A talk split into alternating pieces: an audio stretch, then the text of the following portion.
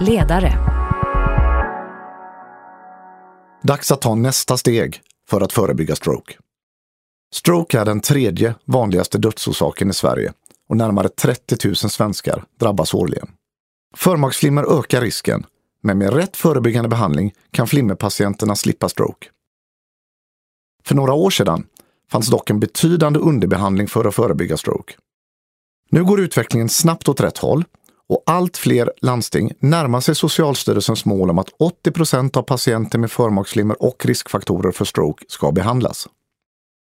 Glädjande nog ser vi att antalet svenskar som drabbas av stroke blir allt färre, trots att vi blir fler och äldre, vilket talar för en rejäl minskning av insjuknande risk. Är då svensk hälso och sjukvård redo att höja ambitionsnivån ytterligare? I framtiden kommer det bli allt viktigare att förebygga stroke då antalet personer med förmaksflimmer väntas öka i takt med att vi blir allt äldre. Idag lever 300 000 svenskar med förmaksflimmer. Forskningen pekar dock på att vi kommer att få en 50-procentig ökning av förmaksflimmer inom 30 år. Således bör vi redan idag än mer aktivt leta efter de personer med förmaksflimmer som riskerar att drabbas av stroke. 100 000 svenskar har förmaksflimmer utan att veta om det. Det är en tickande bomb. Då förmaksflimmer är en sjukdom som passar för screening är det ett viktigt steg i kampen mot stroke. Varje undviken stroke är en framgång. Om den tickande bomben exploderar så gör den det inte bara för patienten och dess anhöriga, utan även för svensk hälso och sjukvård.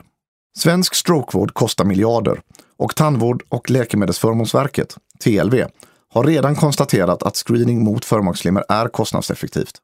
Socialstyrelsen vill invänta mer data men behöver då även svensk sjukvårdspersonal göra detsamma? Då adekvat kunskap och fakta är på plats så bör vi i än högre grad använda denna för att personer i vår omgivning ska slippa att drabbas av stroke.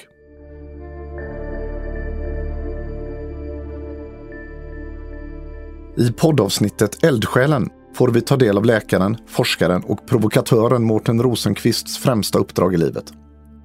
Han brinner för att öka andelen patienter som får behandling med blodförtunnande läkemedel. Mårten konstaterar nämligen att det finns bra behandling med blodförtunnande läkemedel som förebygger stroke, men att det inte används fullt ut. Allt färre får stroke och man vet att förmaksflimmer är en känd risk.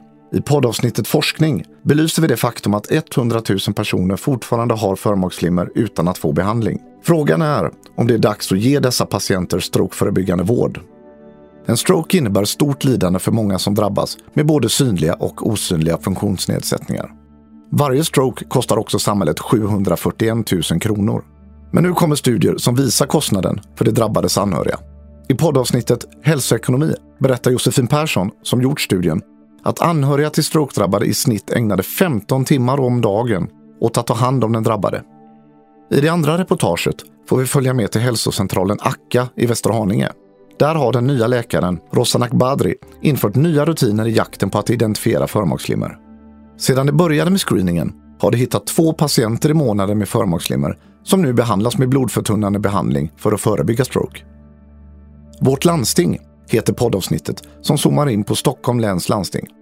2013 fick 58 procent av flimmerpatienterna strokeförebyggande medicin och 2016 fick 79 procent samma behandling. Det är mycket nära Socialstyrelsens mål om att 80 procent av patienter med förmaksflimmer ska behandlas. I det här poddavsnittet berättar också landstingsrådet Anna Starbrink att hon gärna ser screening av förmaksflimmer för att förebygga stroke vid flimmer.